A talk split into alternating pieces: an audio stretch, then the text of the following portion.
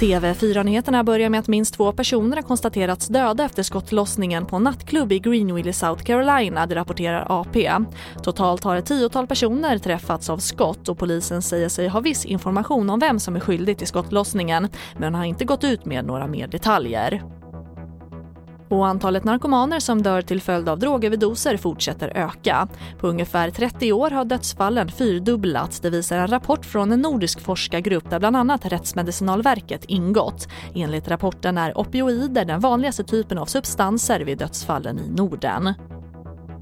Och sen till Landskrona där det fortfarande brinner kraftigt i ett flerfamiljshus och räddningsledaren uppmanar alla i området att gå inomhus och stänga dörrar, fönster och ventilation.